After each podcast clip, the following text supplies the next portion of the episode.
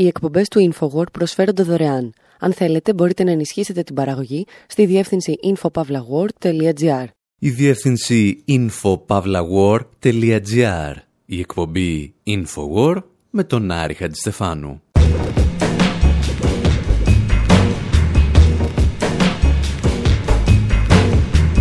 όπου σήμερα συνεχίζουμε με το δεύτερο μέρος της ανασκόπησης της χρονιάς με τη ματιά του Infowar. Και για άλλη μια φορά δεν μας ενδιαφέρουν τόσο τα γεγονότα όσο οι τάσεις που αυτά εκπροσωπούν και αποκαλύπτουν. Και μία από τις σημαντικότερες τάσεις αυτής της χρονιάς ήταν το κυνήγι μαγισσών που εξαπέλυσε η φιλελεύθερη Αμερική απέναντι στη Ρωσία ένα κυνήγι που έφτασε σε σημεία γελίου παροξισμού από ανθρώπους όπως η Χίλαρη Κλίντον. Κανένας όμως δεν κατάφερε να ξεπεράσει σε γελιότητα ένα αντιρωσικό τηλεοπτικό σποτάκι με τον Μόργαν Φρίμαν.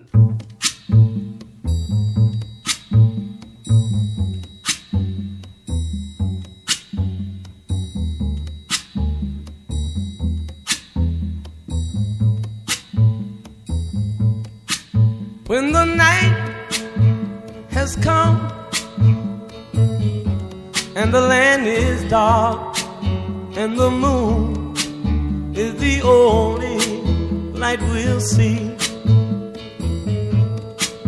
No, I won't be afraid. Oh, I won't be afraid just as long as you stand, stand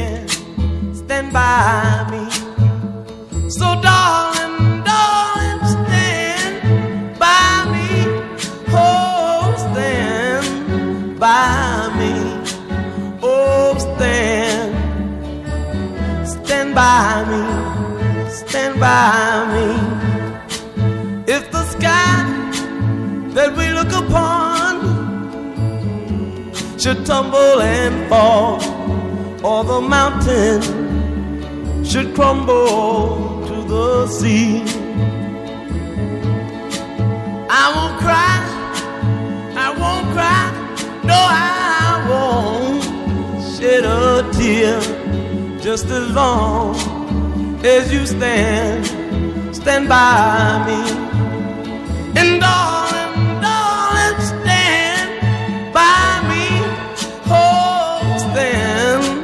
by me, oh, stand now. Stand by me, stand by me.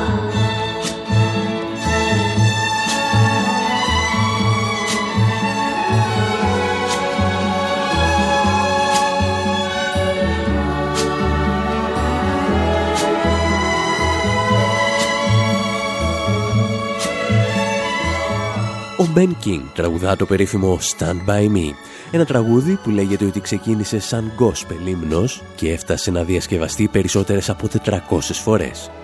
Ένα τραγούδι που έγινε ευρύτερα γνωστό από την ομότιτλη ταινία «Στάσου πλάι μου».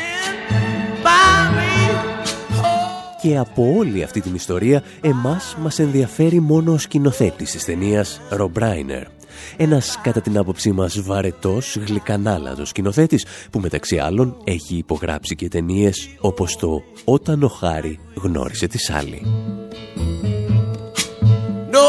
Ο Ράινερ χαρακτηρίζεται φιλελεύθερος ακτιβιστής, κυρίως δηλαδή δίνει μάχες εναντίον του καπνίσματος, ενώ στις προεδρικές εκλογές γίνεται μαζορέτα του εκάστοτε υποψηφίου των Δημοκρατικών.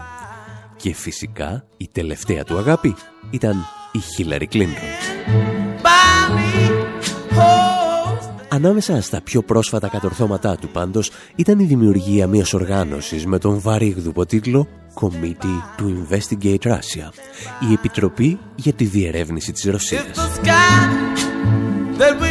Θα σας εξηγήσουμε ως ο νούπο τι ακριβώς συμβαίνει με τη συγκεκριμένη επιτροπή, γιατί πρώτα θα ακούσουμε το τελευταίο βίντεο της που κυκλοφόρησε με τον γνωστό ηθοποιό Morgan Freeman. We have been attacked. We are at war. Imagine this movie script. A former KGB spy Έχουμε δεχθεί επίθεση. Είμαστε σε πόλεμο. Φανταστείτε αυτό το σενάριο ταινίας. Ένας πρώην κατάσκοπος της ΚΑΚΕΜΠΕ, θυμωμένος για την κατάρρευση της πατρίδας του, σχεδιάζει μια συνωμοσία για να εκδικηθεί. Εκμεταλλευόμενος το χάος, ανελίσσεται γρήγορα στις τάξεις της μετασοβιετικής Ρωσίας και γίνεται πρόεδρος.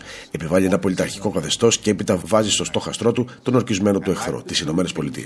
Και ως πραγματικός πράκτορας της ΚΑΚΕΜΠΕ χρησιμοποιεί κρυφά τον κυβερνοπόλεμο για να επιτεθεί σε δημοκρατίες σε όλο τον κόσμο χρησιμοποιώντας τα μέσα κοινωνικής δικτύωσης, διαδίδει προπαγάνδα και ψευδείς πληροφορίες. Πείθει τους λαούς δημοκρατικών χωρών να μην πιστεύουν στα τοπικά μέσα ενημέρωσης και τις πολιτικές διαδικασίες τους, ακόμα και τους γειτονές τους. Και κερδίζει. Ο Βλαντιμίρ Πούτιν είναι αυτός ο κατάσκοπος. Και αυτό δεν είναι σενάριο ταινίας. Vladimir Putin is that spy, and this is no movie script.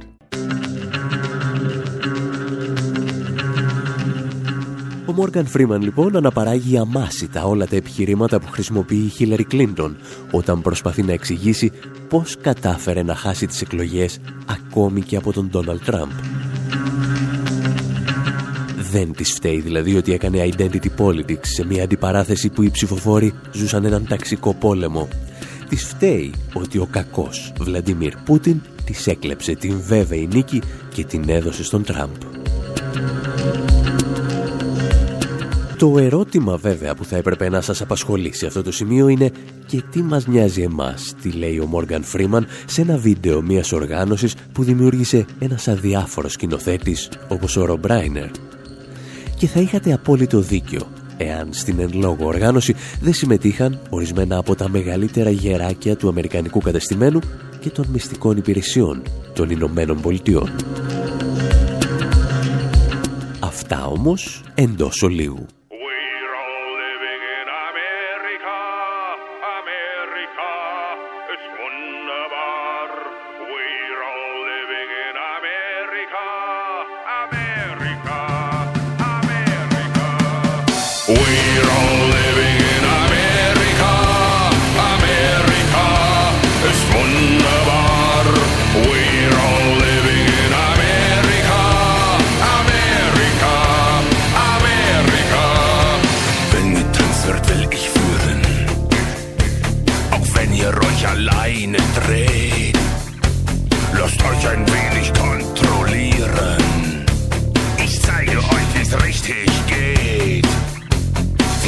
in einen lieben Reigen. Die Freiheit spielt auf allen Geigen. Musik kommt aus dem weißen Haar.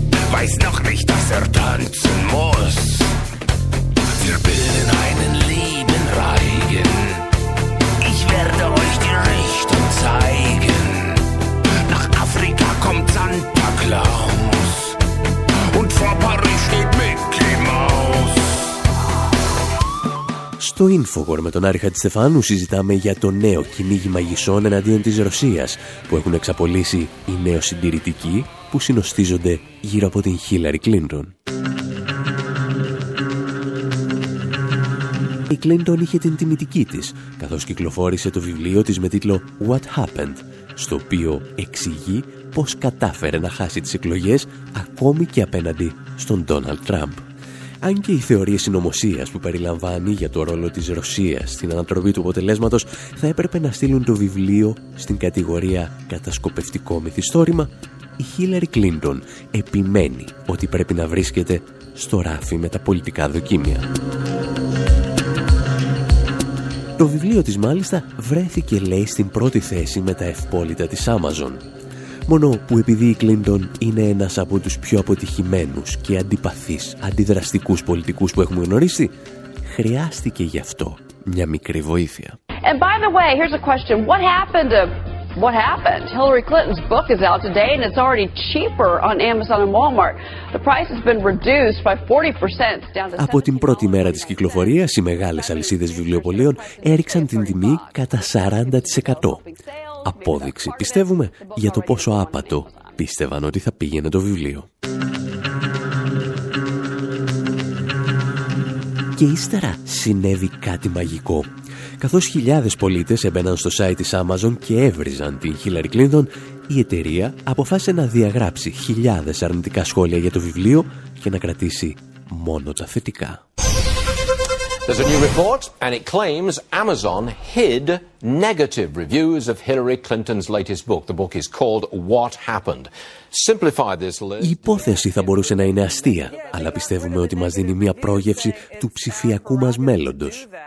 Κάποιοι επιχειρούν να στήσουν μια νέα εικονική πραγματικότητα με βάση το επιχείρημα της Κλίντον ότι η Ρωσία έχει επιτεθεί στις Ηνωμένες Πολιτείες και επηρέασε το αποτέλεσμα των εκλογών. Καθώς δεν έχουν σχεδόν κανένα στοιχείο για να το αποδείξουν, βάζουν διάσημους ηθοποιούς όπως ο Μόργαν Φρίμαν να το πούν ώστε να γίνει viral στο ίντερνετ. Προκειμένου να στηρίξουν περαιτέρω τις κατηγορίες, προωθούν με κάθε μέσο το νέο βιβλίο της Κλίντον, διαγράφοντας μάλιστα και τις αρνητικές κριτικές. Και ύστερα, την ίδια εβδομάδα που συμβαίνουν όλα αυτά, μπαίνουν στο παιχνίδι και τα μεγάλα όπλα. Σε ένα μήνυμα του που θύμιζε περισσότερο διάγγελμα προς το έθνος, ο δημιουργός του Facebook, Mark Zuckerberg, ανακοινώνει ότι στο εξής θα ελέγχει όλες τις διαφημίσεις από τη Ρωσία και θα στέλνει τα στοιχεία στις Αμερικανικές αρχές και το Κογκρέσο. We are actively working with the US government on its ongoing investigations into Russian interference. We've been investigating this for many months now. Ούτε λίγο ούτε πολύ το μεγαλύτερο μέσο κοινωνικής δικτύωσης στον πλανήτη με δύο δισεκατομμύρια χρήστες ανακοινώνει ότι μπαίνει στη μάχη εναντίον της Ρωσίας. Και το πρόβλημά μας δεν είναι εάν το καθεστώς του Πούτιν είναι καλό ή κακό, γιατί είναι σίγουρα κακό. Το πρόβλημα είναι ότι στις Ηνωμένες Πολιτείες ξεκινά ένα κυνήγι μαγισσών που δεν έχει προηγούμενο από την εποχή του γερουσιαστή Μακάρθη.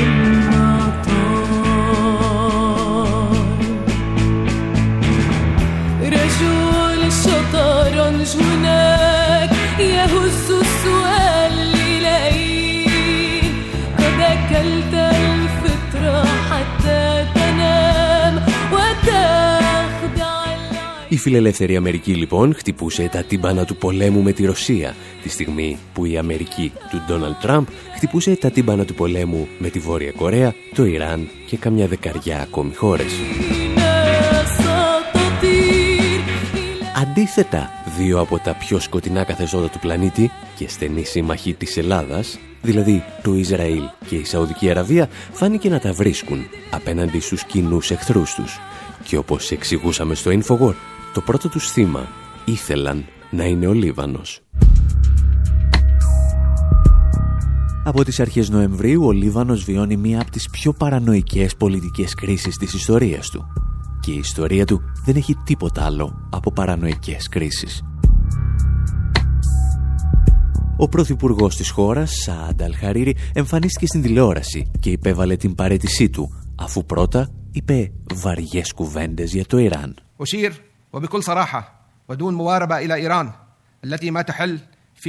Το Ιράν φέρνει μόνο καταστροφή, απομόνωση και αναρχία όπου και αν βρεθεί. Παρεμβαίνει σε εσωτερικές υποθέσεις των αραβικών κρατών όπως ο Λίβανος, η Συρία, το Ιράκ, το Μπαχρέιν και η Έμενη. Θέλω να πω στο Ιράν και στους υποστηρικτές του ότι θα χάσουν σε αυτή την παρέμβαση.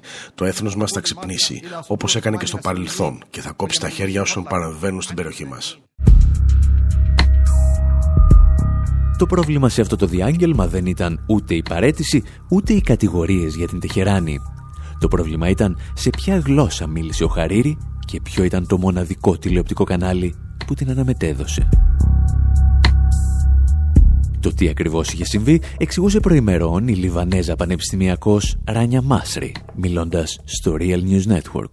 This is the first time in Lebanese history για πρώτη φορά στην ιστορία του Λιβάνου, ένας πρωθυπουργός υποβάλλει την παρέτησή του ενώ δεν βρίσκεται στο Λίβανο. Θα έπρεπε να είχε παρετηθεί δίνοντας μια συνέντευξη τύπου από το Προεδρικό Μέγαρο. Αυτό θα ήταν φυσιολογικό. Αυτό συμβαίνει στα κυρίαρχα κράτη. Αντί γι' αυτό, οι Σαουδάραβες του είπαν να μπει αμέσως σε ένα αεροπλάνο για τη Σαουδική Αραβία. Ακύρωσε λοιπόν τις συναντήσεις του, πήγε στη Σαουδική Αραβία και μαγνητοσκόπησε μια δήλωση. Δεν ήταν καν σε απευθεία σύνδεση. Ήταν μαγνητοσκοπημένη και μεταδόθηκε από τον τηλεοπτικό σταθμό Αλαράμπια, όχι από κάποιο κανάλι του Λιβάνου.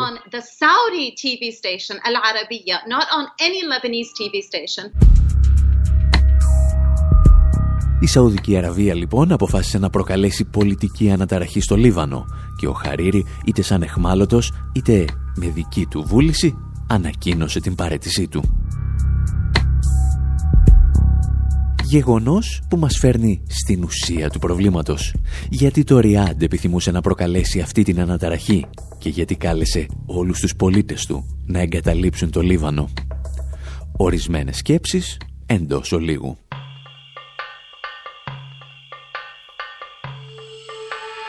Has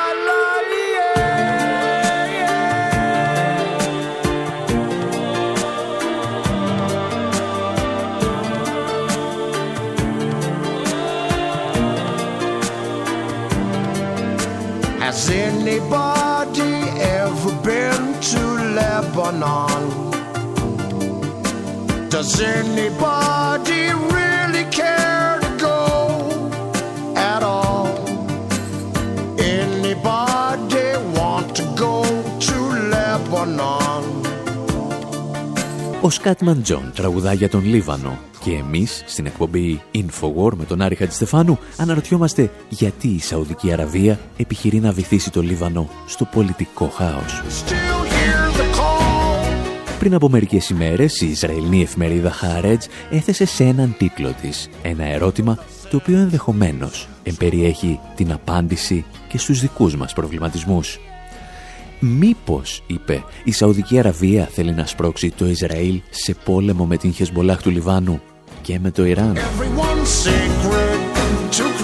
Ο αναλυτής και συγγραφέας Βιτζάι Πρασάτ που παρακολουθεί εδώ και δεκαετίες τις εξελίξεις στην περιοχή συμφώνησε απόλυτα με αυτό το σενάριο. I think there's an attempt by Saudi Arabia having seen the United States unwilling Νομίζω ότι αυτό προσπαθεί να πετύχει η Σαουδική Αραβία, ειδικά από τη στιγμή που είδε ότι οι Ηνωμένες Πολιτείες δεν το κατάφεραν. Ο Ντόναλτ Τραμπ προσπάθησε να παρενοχλήσει το Ιράν προκειμένου αυτό να αντιδράσει και να δώσει το πρόσχημα σε ΣΥΠΑ και σε άλλες χώρες να το επιτεθούν. Αυτή η προσπάθεια όμως δεν οδήγησε πουθενά. Πιστεύω λοιπόν ότι η Σαουδική Αραβία προσπαθεί να προκαλέσει ένα πόλεμο δια αντιπροσώπων και γι' αυτό προωθεί κάποια σύγκρουση μεταξύ του Ισραήλ και της Χεσμολάχ.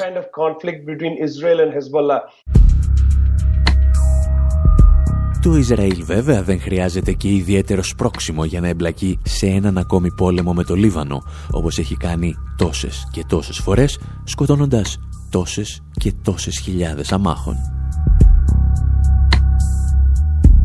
Αυτό όμως που μερικά χρόνια πριν θα θεωρούνταν αδιανόητο είναι να συνεργάζεται το Ισραήλ με τη Σαουδική Αραβία.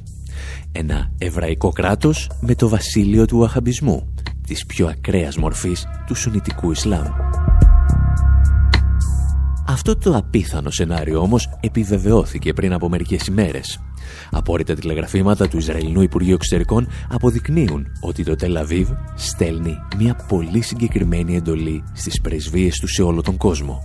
Στηρίξτε πάση θυσία το βασίλειο της Σαουδικής Αραβίας. Τα εξηγούσε προημερών το δίκτυο Russia Today. Cables leaked this week to Israel's Channel 10 News so just how far Israel is going in its support. Τηλεγραφήματα που διέρευσαν αυτή την εβδομάδα σε Ισραηλινό κανάλι δείχνουν πόσο μακριά μπορεί να φτάσει το Ισραήλ για να υποστηρίξει τη Σαουδική Αραβία. Σύμφωνα με ρεπορτάζ που ανέβηκε στο διαδίκτυο, το Υπουργείο Εξωτερικών του Ισραήλ, με τηλεγραφήματα που έστειλε στις πρεσβείες του σε όλο τον κόσμο, έδωσε εντολή να πιέσουν τις κυβερνήσεις ώστε εκείνες να υποστηρίξουν τις ενέργειες της Σαουδικής Αραβίας. Ο δημοσιογράφος Μπαράκ Ραβίδ που έβγαλε το ρεπορτάζ, έγραψε στο Twitter. Το τηλεγράφημα που στάλθηκε από το Υπουργείο Εξωτερικών στην Ιερουσαλήμ σε όλες τις Ισραηλινές πρεσβείες ακολουθεί τη γραμμή της Σαουδικής Αραβίας σχετικά με την παρέτηση του Χαρίρι. Το τηλεγράφημα έλεγε: Πρέπει να τονίσετε ότι η παρέτηση του Χαρίρι δείχνει πόσο επικίνδυνο είναι το Ιράν και η Χεσμολάχ για την ασφάλεια του Λιβάνου. Και ο δημοσιογράφος πρόσθεσε: Το τηλεγράφημα έδινε οδηγία στους Ισραηλινούς διπλωμάτες να υποστηρίξουν τη Σαουδική Αραβία στον πόλεμό της με τους Χούτις στην Ιεμένη. Arabia over its war with the Houthis in Yemen. Για να σχηματίσουμε όμως μια καλύτερη εικόνα των κινήσεων του Ριάντ, πρέπει να κατανοήσουμε καλύτερα και τις εσωτερικές ισορροπίες στο βασίλειο των Σαούτ.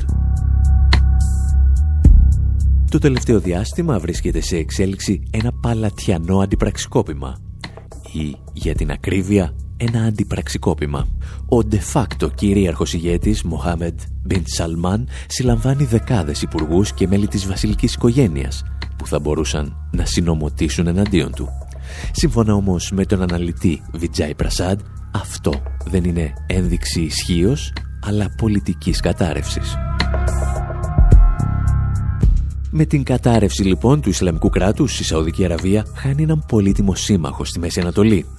Ευτυχώς για αυτήν θα αποκτήσει νέους συμμάχους, όπως την ελληνική κυβέρνηση που πουλά όπλα στον οίκο των Σαούντ για να τα χρησιμοποιούν στη σφαγή της Ιεμένης. Εσείς πάλι μένετε εδώ, γιατί στο δεύτερο μέρος συνεχίζουμε με τις σημαντικότερες, κατά την άποψή μας, ιστορίες του 2017. Charlie, I'm pregnant, living on 9th Street, above a dirty bookstore of Euclid Avenue. Now stop taking dope, now quit drinking whiskey. My old man plays the trombone works out at the track.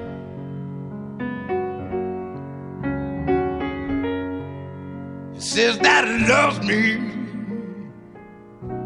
even though it's not his baby.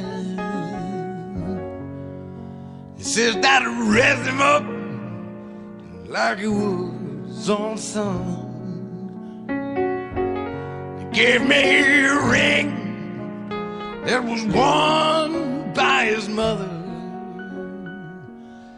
It takes me out dancing every Saturday night.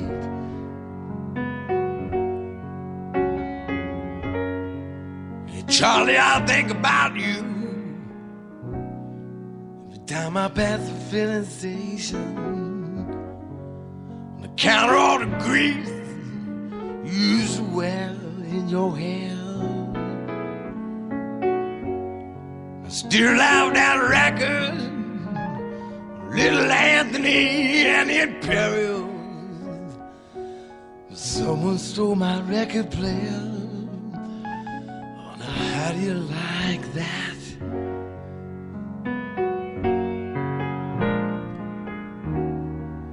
Charlie, I almost went crazy after Mario got busted I went back to Omaha with my folks. Everyone I used to know was either dead or in prison. So came back to Minneapolis. This time I think I'm gonna stay.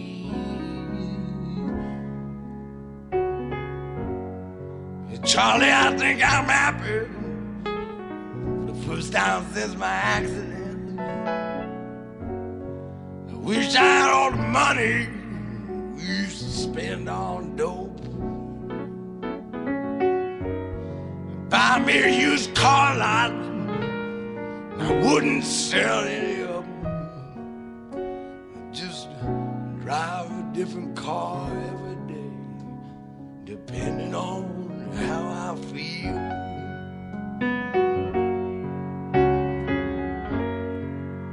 Charlie, for Christ's sake, if you want to know the truth of it, don't have a husband. He don't play the trombone. I need to borrow money to pay this lawyer, Charlie Hay. I'll be eligible for parole come Valentine's Day.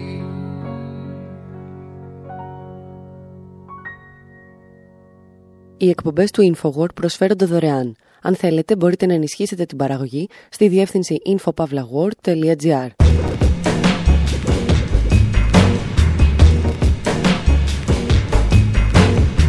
Εκπομπή InfoWord, μέρος δεύτερο όπου συνεχίζουμε και ολοκληρώνουμε την ανασκόπηση των σημαντικότερων, κατά την άποψή μας, γεγονότων του 2017. Και αυτή ήταν μια χρονιά καταστροφών, τις οποίες ορισμένοι επέμεναν να αποκαλούν φυσικές καταστροφές.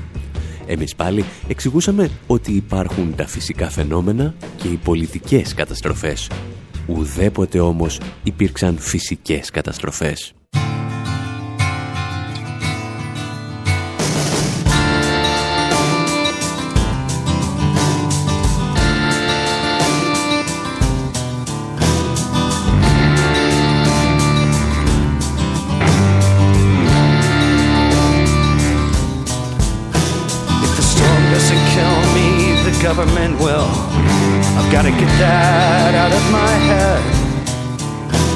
It's a new day today and the coffee is strong.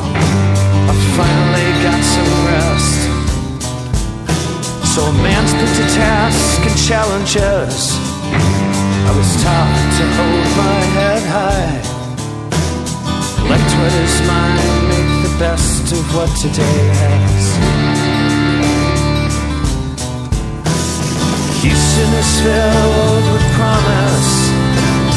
Laredo's a beautiful place. And Galveston sings like that song that I love. Its meaning has not been erased.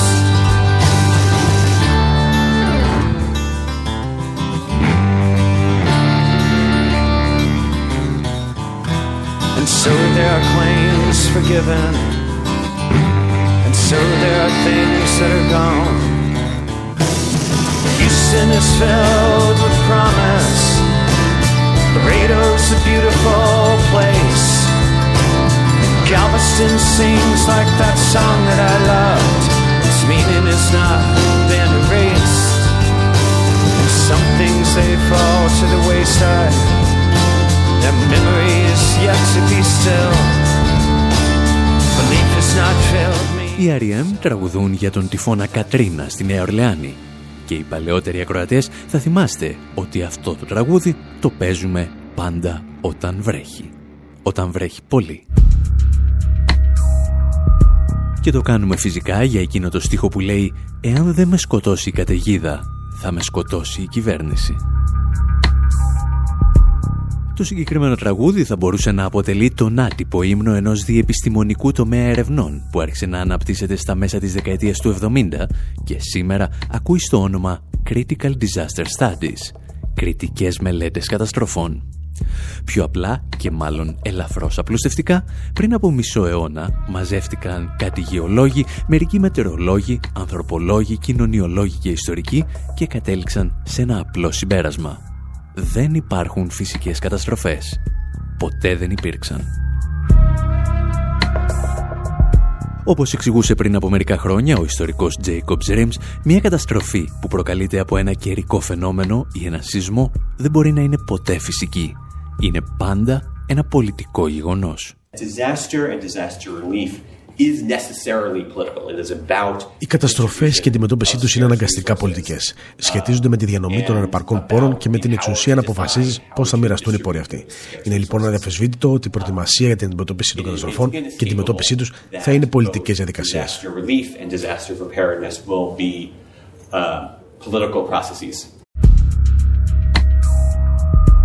Για να καταλάβουμε καλύτερα τι εννοεί ο Jacobs Rims, αρκεί να φανταστούμε την χειρότερη καταιγίδα που έχει καταγραφεί στην ανθρώπινη ιστορία.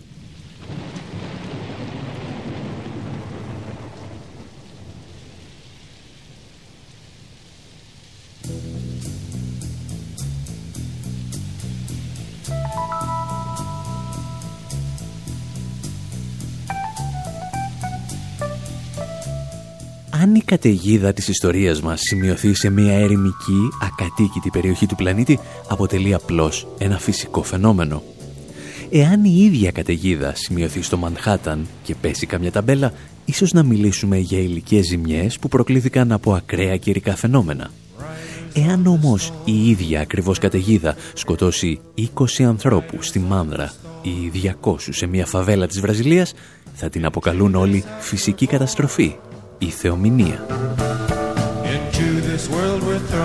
Και αν είμαστε και τίποτα κυβερνητικοί, θα την πούμε πρωτοφανή φυσική καταστροφή χωρίς ιστορικό προηγούμενο.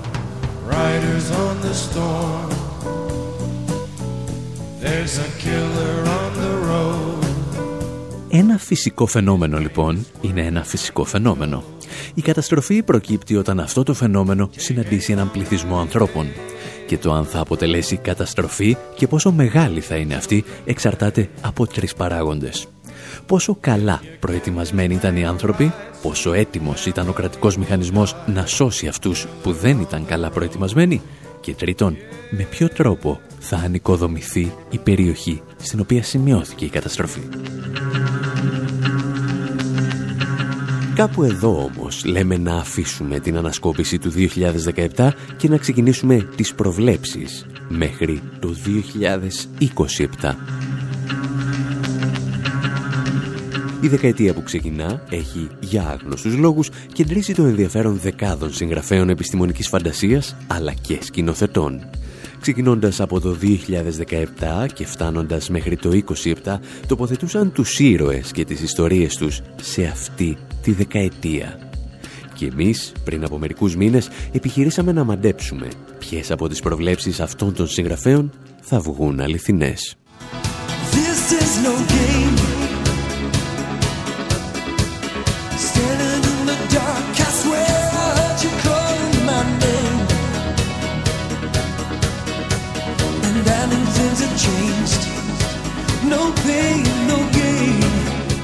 Η απαράδεκτη μουσική που ακούτε προέρχεται από την εξίσου απαράδεκτη ταινία «Ο Άτρωτος» με τον Άρνολ Σβαρτζενέγκερ, η οποία πατά στο ελαφρώς πιο συμπαθητικό βιβλίο «The Running Man» του Stephen King. Το βιβλίο γράφτηκε το 1982, αλλά η υπόθεση διαδραματίζεται στο 2017. Η παγκόσμια οικονομία έχει καταρρεύσει. Οι Ηνωμένες Πολιτείες μετατρέπονται σε ένα αστυνομικό καθεστώς και ο πληθυσμός του πλανήτη υπνοτίζεται από τηλεπαιχνίδια τύπου Survivor για να μην εξεγερθεί απέναντι στις άθλιες συνθήκες εργασίας. Αν είσαι δηλαδή μαύρος στην Αμερική ή Έλληνα στην Ευρωπαϊκή Ένωση, ζεις το 80% των συνθήκων που περιέγραφε το βιβλίο.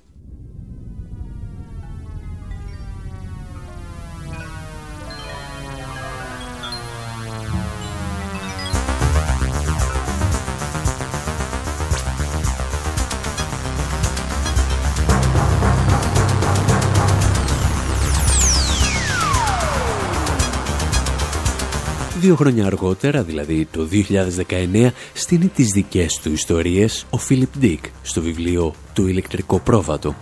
Το βιβλίο δηλαδή στο οποίο θα βασιστεί και η πρώτη ταινία Blade Runner με τη μουσική του Βαγγέλης Παπαθανασίου, την οποία ακούμε.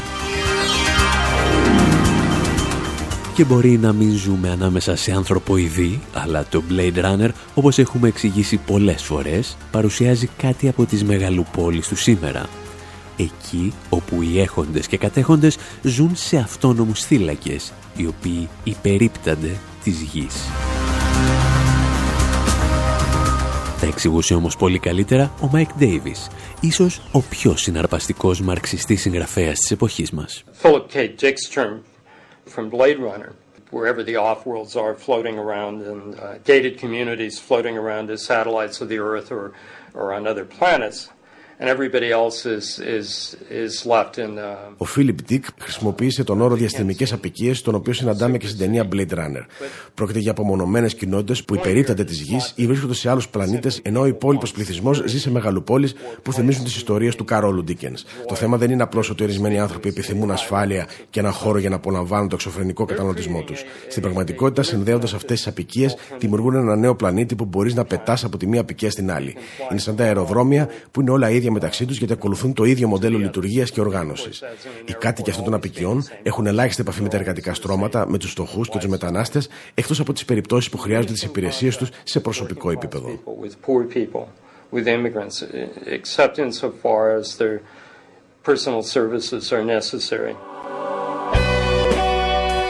Στο 2019, εκτός από το Blade Runner, διαδραματίζεται και η υπόθεση από το βιβλίο «Το Σπουργίτη» της Mary Doria Russell.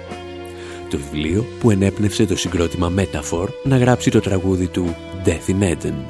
Τους ακούμε για λίγο και επιστρέφουμε.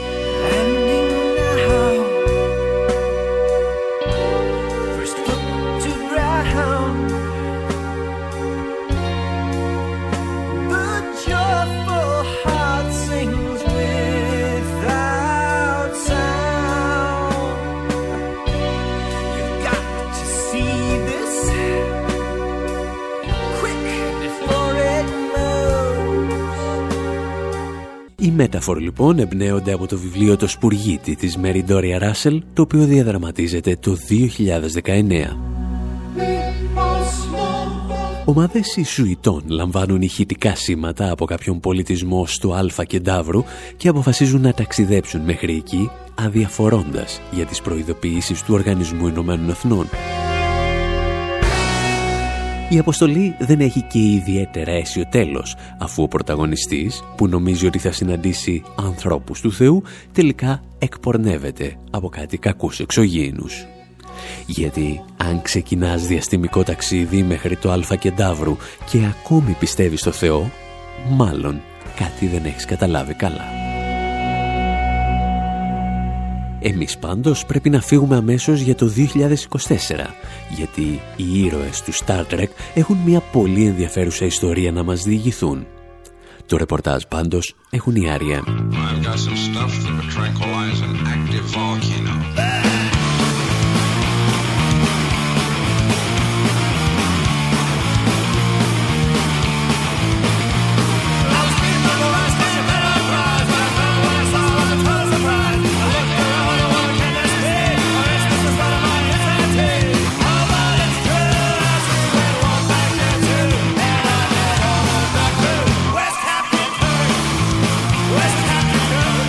Στα αγριεμένα νιάτα τους, οι R.E.M. αναρωτιόντουσαν πού είναι ο Captain Kirk από την περίφημη σειρά του Star Trek.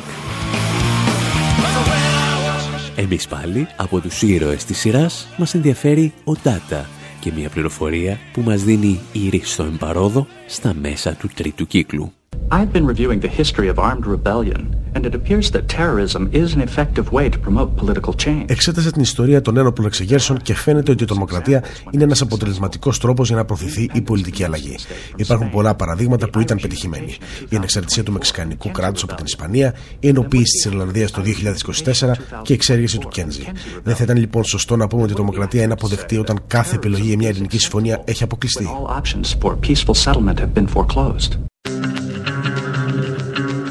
Η εξέγερση του Κένζι δεν σας ενδιαφέρει γιατί είναι ένα φανταστικό γεγονός που θα συμβεί κάποια στιγμή από σήμερα μέχρι το 2366. Το γεγονός όμως ότι σύμφωνα με το Star Trek ο Ιρλανδικός Δημοκρατικός Στρατός θα καταφέρει να ενοποιήσει την Ιρλανδία με τρομοκρατικές επιθέσεις μέχρι το 2024 έχει κάποιο ενδιαφέρον. Για την ακρίβεια, είχε τόσο ενδιαφέρον, ώστε η Μεγάλη Βρετανία είχε απαγορεύσει τη μετάδοση του συγκεκριμένου επεισοδίου για δεκαετίες.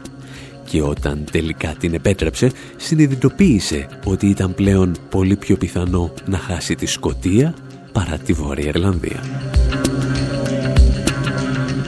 Εμείς πάλι προχωράμε στο χρονολόγιό μας μέχρι το 2024, τη χρονιά στην οποία είχε στήσει τη δική του δυστοπία ο Φριτς Λάγκ στην ταινία Μετρόπολης.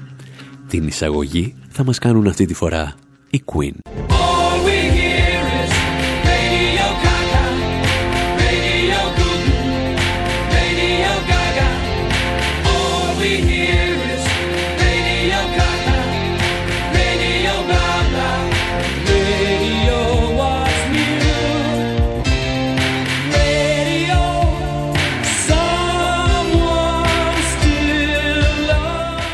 Θυμάστε καθόλου το επίσημο βίντεο κλιπ του Radio Gaga; Είναι γεμάτο από σκηνές της ταινίας Μετρόπολης του Fritz Lang.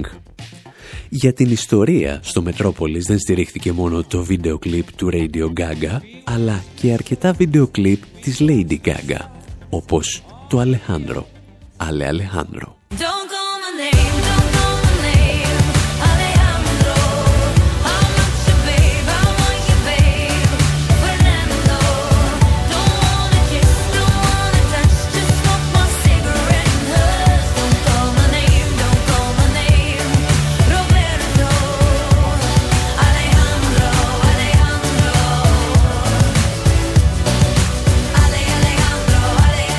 Το ότι ο Φρίτς Λάγκ θα κατάφερνε να συνδέσει το Radio Gaga με τη Lady Gaga μας ξεπερνά.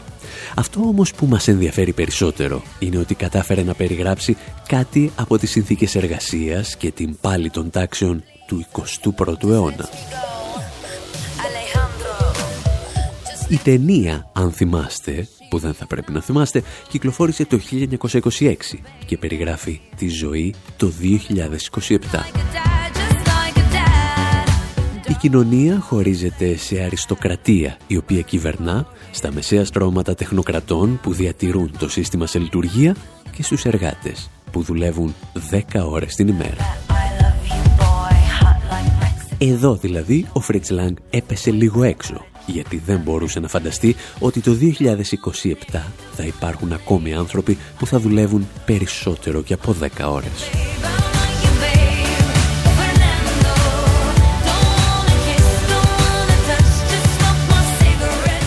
Εξαιρετικές ομοιότητες με την πραγματικότητα που ζουν εκατομμύρια άνθρωποι σήμερα έχει και η ταινία «Τα παιδιά των ανθρώπων», η οποία στηρίζεται στο βιβλίο της P.D. James και η οποία διαδραματίζεται στο όχι και τόσο μακρινό 2027.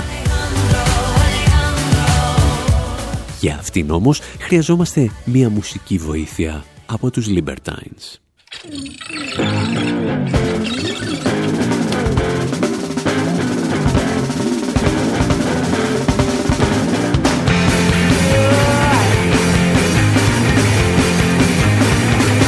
Το συγκεκριμένο τραγούδι ακούγεται στην ταινία «Τα παιδιά των ανθρώπων» του 2006 με τον Clive Owen και πιστεύουμε ότι ο σκηνοθέτης το επέλεξε για τον τίτλο του που λέει Arbeit macht frei.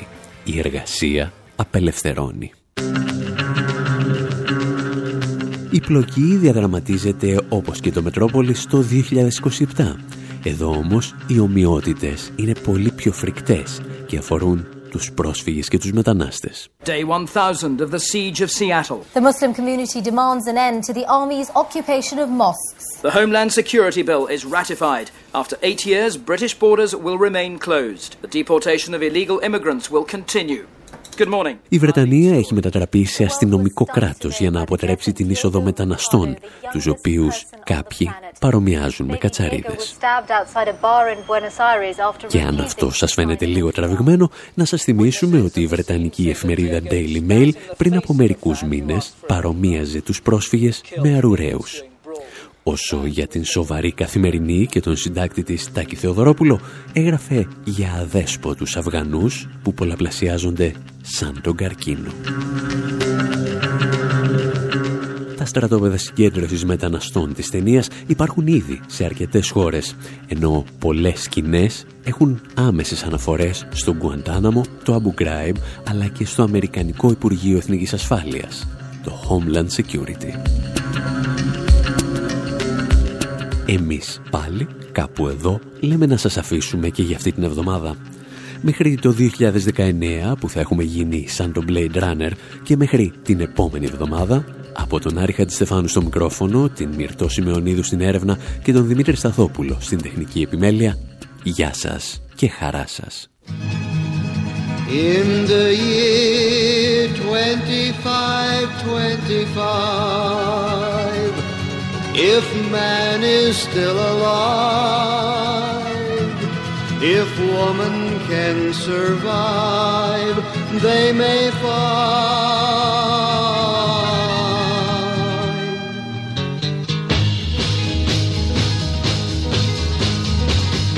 In the year 35, 35 Ain't gonna need to tell the truth, tell no lies Everything you think, do and say Is in the pill you took today.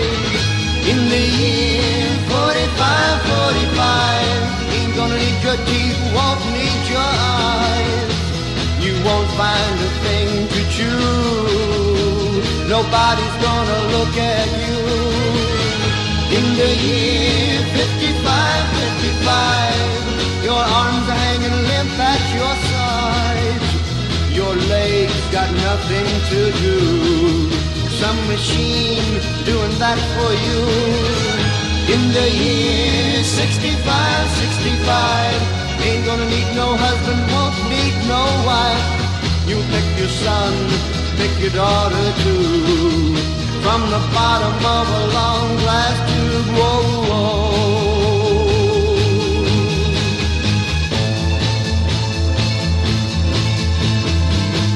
In the year 7510, if God's a coming, he ought to make it by then. Maybe he'll look around himself and say, Guess it's time for the judgment day. In the year 8510, God is gonna shake his mighty head. He'll either say, I'm pleased where man has been, or tear it down and start again.